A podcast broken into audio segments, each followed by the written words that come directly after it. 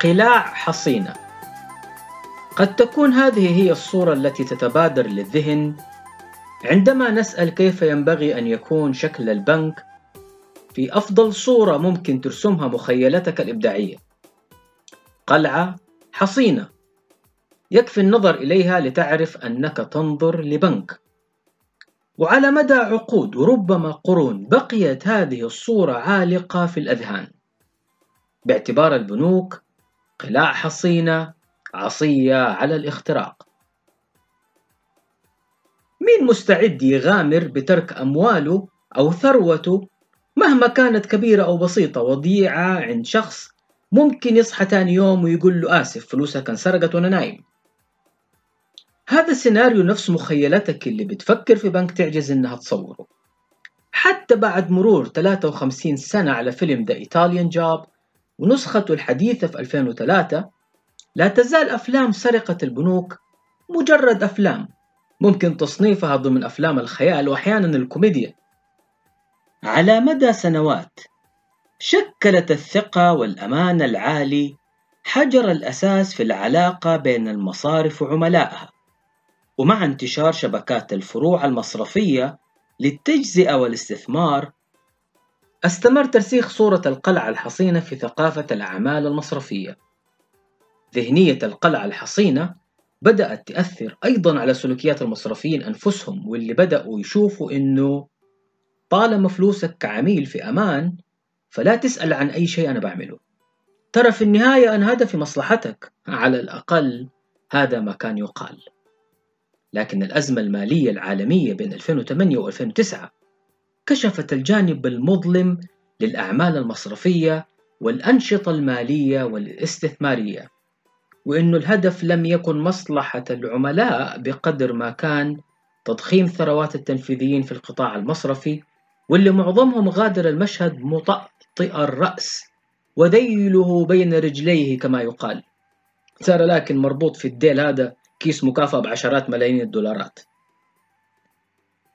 رغم تبخر ثروات ملايين الأفراد وتدخل الحكومات لإنقاذ عشرات البنوك الكبرى بالتحديد وشركات التأمين والرهن العقاري ورغم انهيار مجموعة من كبار اللاعبين في هذه الأسواق إلا أن الجدل حول مكافآت التنفيذيين والممارسات المصرفية وأخلاقيات العمل المصرفي والالتزام والامتثال لا يزال دائرا لليوم.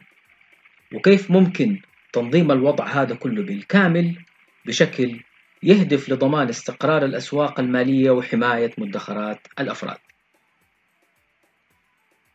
هزة الثقة في البنوك لم يتم تجاوزها إلى اليوم. فعلى سبيل المثال نشرت رويترز في أغسطس من عام 2018 نتيجة استطلاع للرأي من البريطانيين بعد مرور حوالي عشر سنوات على الأزمة المالية العالمية.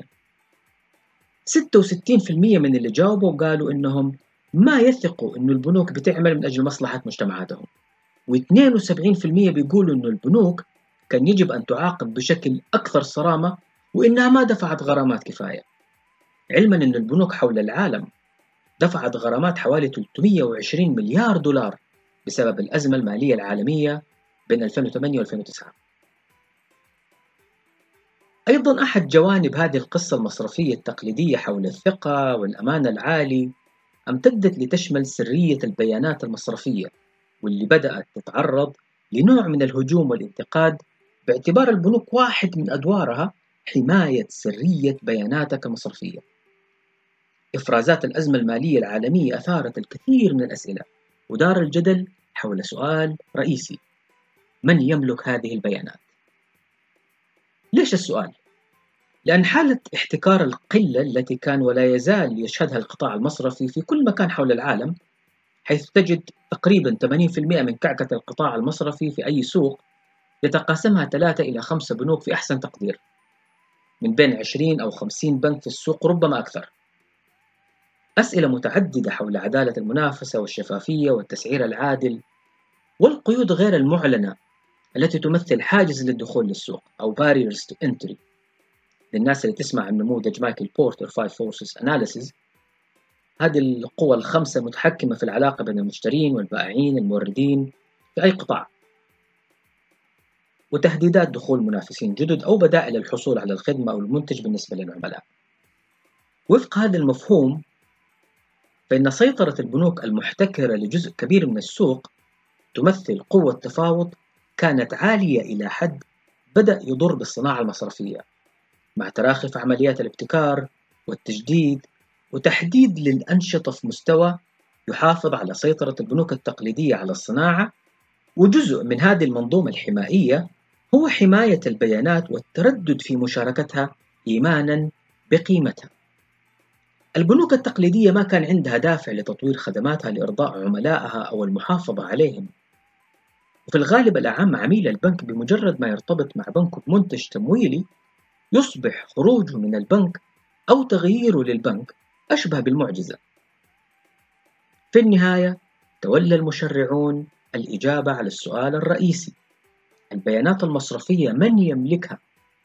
العميل هنا بدأت حقبة جديدة في عالم الأعمال المصرفية أعادت تشكيل مفاهيم كثيرة وفتحت فرص وآفاق للابتكار لم تكن لتوجد بدون هذه الإجابة واللي كان مفتاحها تعليمات المدفوعات في نسختها الثانية أو PSD2 النسخة الثانية ألزمت البنوك في الاتحاد الأوروبي بإتاحة البيانات المصرفية لطرف ثالث بناء على موافقة العميل تأسيسا على الإجابة اللي ذكرناها أن العميل يملك بياناته. الإلزام يشمل إتاحة بيانات المدفوعات لأي حساب مصرفي مع أي بنك يعني بمجرد ما العميل يمنح الطرف الثالث المرخص. موافقة على الوصول لبيانات حسابه المصرفي يتمكن الطرف الثالث من جمع بيانات مدفوعات العميل من جميع حساباته المصرفية في دول الاتحاد الأوروبي. هيئة السوق والمنافسة في بريطانيا كان عندها أيضا تنظيمات إضافية على ما تقدم من إلزامات PSD2 وحددت أن مشاركة البيانات هذه تكون عبر APIs معرفة مسبقا. ما بين 2013 إلى 2016 وإلى 2018 هذه كلها كانت فترة ولادة المصرفية المفتوحة في الاتحاد الأوروبي والمملكة المتحدة. وما بين 2018 إلى 2021 فترة النمو والازدهار يوجد اليوم في بريطانيا حوالي 299 طرف ثالث مرخص في المصرفية المفتوحة. نلخص هذه المقدمة بتعريف مختصر للمصرفية المفتوحة. فنقول إنها مجموعة قواعد أو نظام يلزم البنوك بإتاحة بيانات مدفوعات الحساب المصرفي أو سجل عمليات حسابك المصرفي إلى طرف ثالث مرخص عبارة عن شركة تقنية مالية مرخصة في مجال المصرفية المفتوحة. بحيث تحصل على بيانات مدفوعات الحساب المصرفي من بنكك بناء على موافقة العميل الصريحة على الارتباط مع تطبيقات الطرف الثالث المرخص. فالأركان المهمة عندنا في هذه العملية هي البنك الحساب المصرفي الطرف الثالث المرخص والعميل وموافقة العميل للطرف الثالث الصريحة على الوصول لبيانات حساباته المصرفية. فالعلاقة هنا في الحقيقة هي بين العميل وبين الطرف الثالث المرخص. العميل يقود هذه العلاقة وهو اللي بيتيح بياناته لطرف ثالث مرخص. ما في ترتيب بين البنك وطرف ثالث مرخص يعني شركة تقنية مالية أو بنك آخر يتيح للطرفين دول إنهم يشاركوا بيانات العملاء بينهم بشكل مفتوح بدون موافقة صريحة من العميل. هذا ليس هو وضع المصرفية المفتوحة.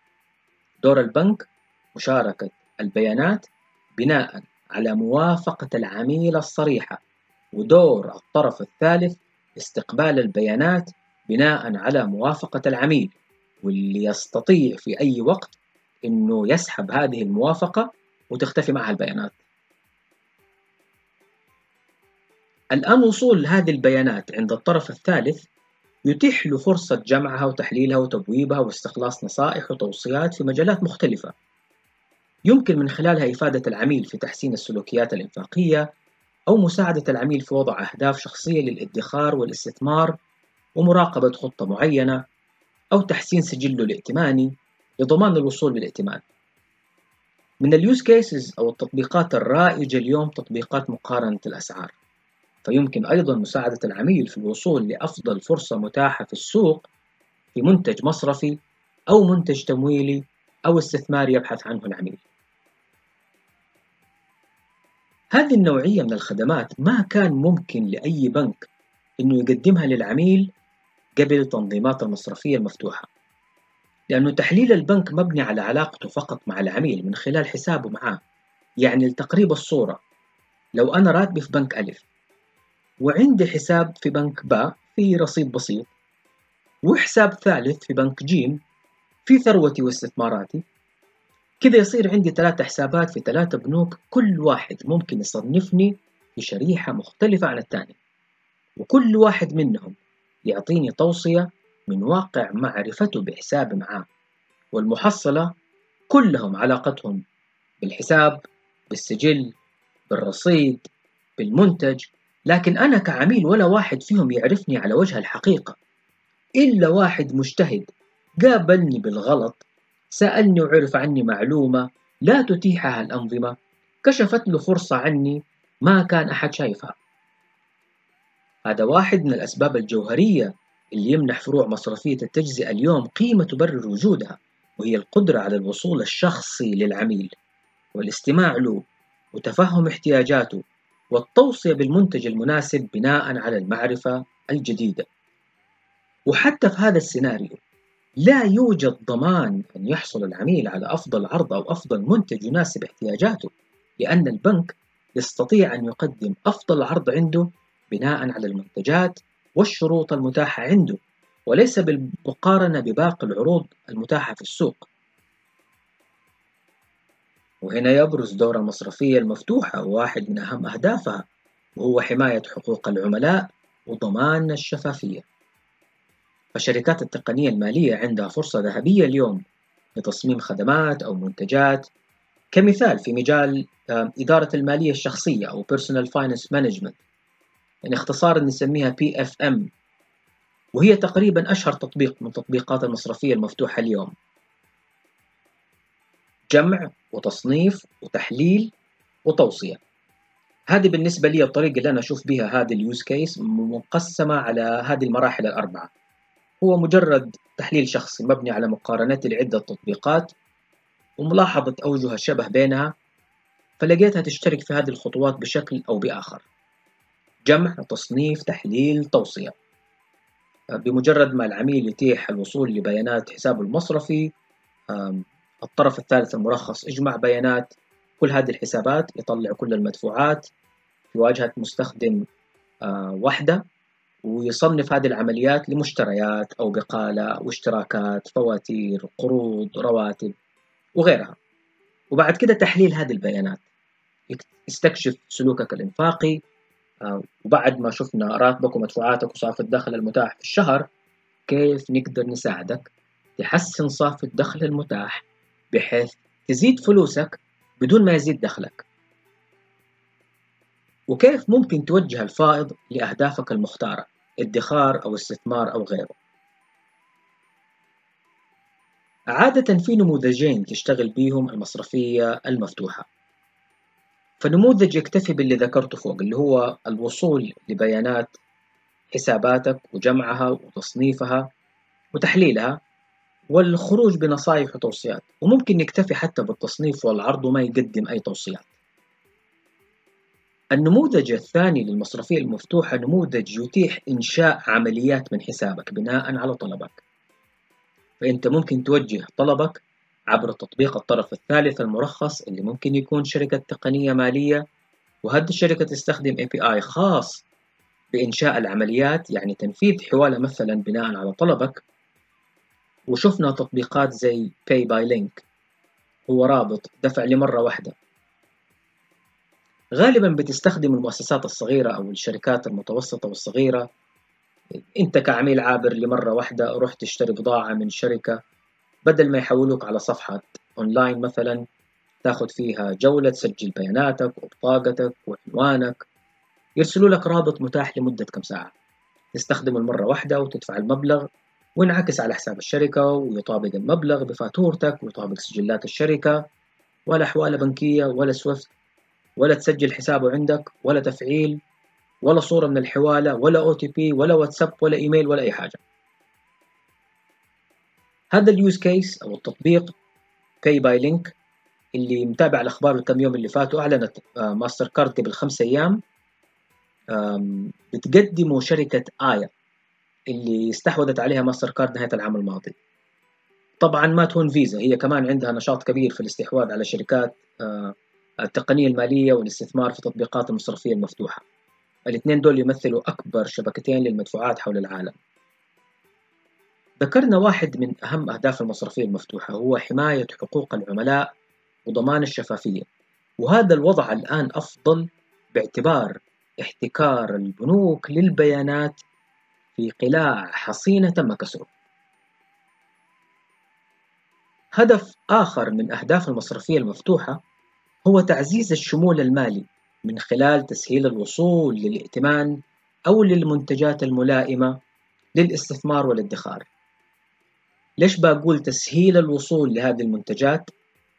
لأن كل ما نتكلم عن الشمول المالي تطلع إحصائية البنك الدولي الشهيرة مليار وسبعمية مليون إنسان واحد وثلاثين في المية من إجمالي سكان العالم البالغين لا يتمتعون بالوصول لأي حساب مصرفي. لا عن طريق بنك ولا عن طريق الجوال. وهذا مجرد نوع واحد من المطنشين مصرفيا إنجاز التعبير. اللي إحنا بنسميهم أن بانك هدول خارج النظام المصرفي. لكن لما نتكلم عن المصرفية المفتوحة فإحنا بنتكلم عن حساب مصرفي لأنه بدون حساب مصرفي ما عندنا مصرفية مفتوحة. الآن لما وصلنا للحساب المصرفي عندنا في المعتاد ثلاثة شرائح.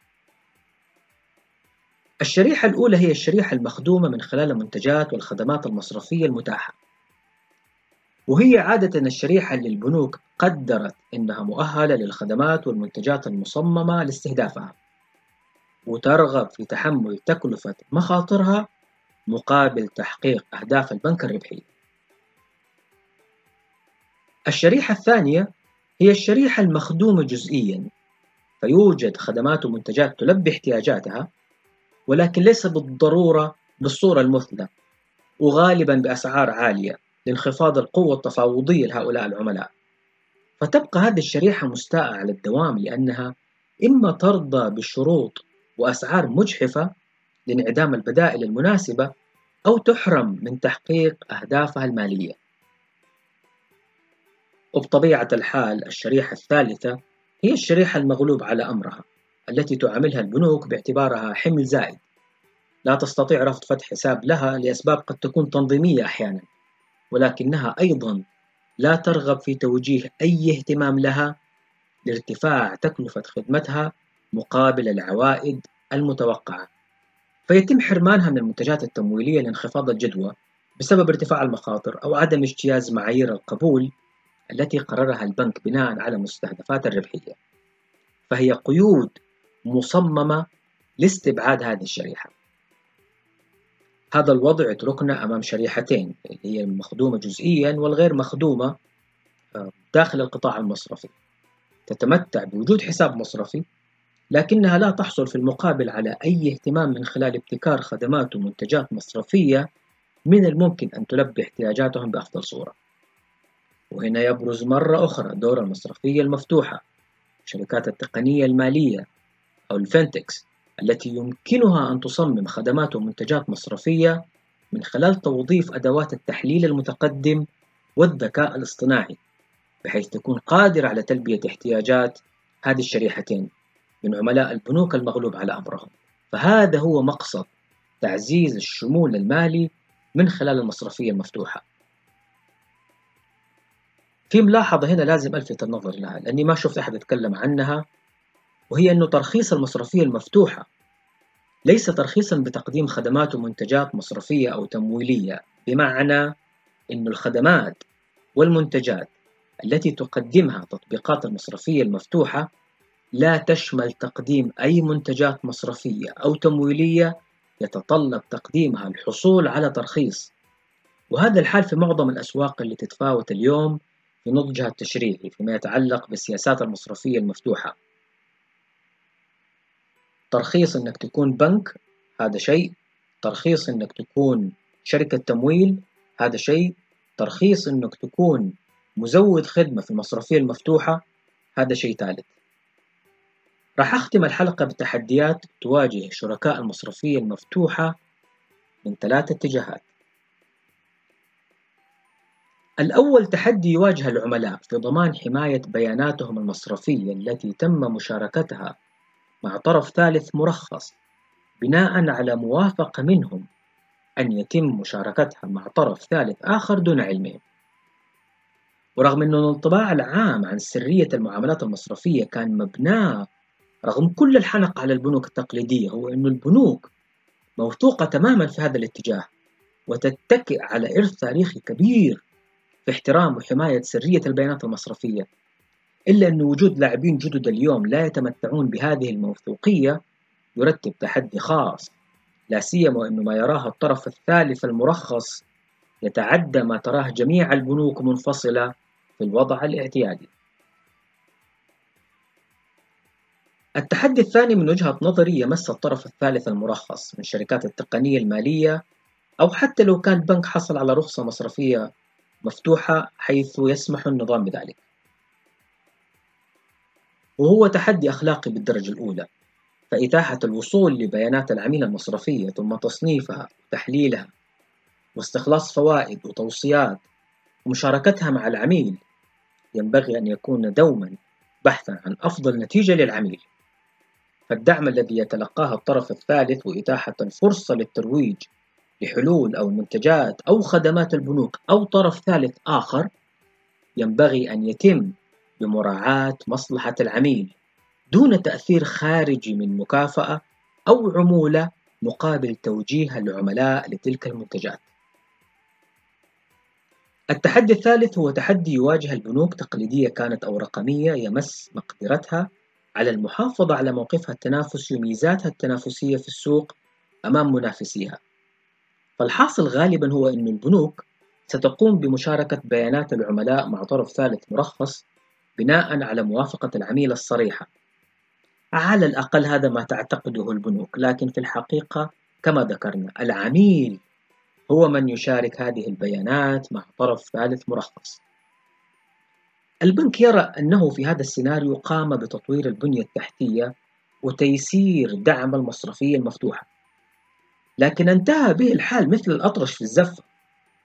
العميل يتكلم مع الطرف الثالث والطرف الثالث يضبط العميل وممكن يحصل منه رسوم والبنك في هذا السيناريو تماما مثل الأطرش في الزفة. فبقدر ما تسعى المصرفية المفتوحة لخدمة العملاء واللاعبين الجدد في التقنية المالية بقدر ما تجاهلت في كثير من التشريعات حول العالم منح أي ميزة تفضيلية للبنوك وإن كان بحسب ما اطلعت عليه تتيح بعض التشريعات حصول البنوك على منافع مالية أو رسوم مقابل استخدام ال APIs لكنها ليست بالشيوع الكافي فهذه ثلاثة تحديات من وجهة نظري في حماية البيانات تضارب المصالح مراعاة ما تراه البنوك جزء من حقوقها التي تم تجاهلها في كثير من التشريعات حول العالم وجميعها يمكن مواجهتها من خلال تشريعات متوازنة تراعي وتحمي مصالح جميع الأطراف. في الختام أقول أن المصرفية المفتوحة هي بداية الطريق لابتكارات أشمل وأوسع في دائرة المالية المفتوحة التي تغطي بيانات الرهن العقاري وأنشطة التأمين والاستثمار ثم دائرة البيانات المفتوحة الدائرة الأكبر والأوسع التي تغطي معلومات العميل مثلا المعلومات الحيوية. درجة الحرارة الضغط فصيلة الدم وملفه الصحي سجل السفر زيارات النادي سرعة السيارة على الطريق الموسيقى التي يستمع لها الأفلام التي يفضلها الكتب التي آه، يحب قراءتها وغيرها من البيانات التي يمكن الوصول لها. الرؤية المستقبلية لصناعة البيانات تبحث في أهداف نبيلة تتعلق بكيف يمكن توظيف هذه المعرفة وتخصيص التجارب المختلفة لمنح الإنسان أفضل التجارب الملائمة لاحتياجاته وتعزيز الرفاهية وتحسين جودة الحياة. كانت هذه الحلقة الأولى من الموسم الثاني من بودكاست مصرفية غير تقليدية.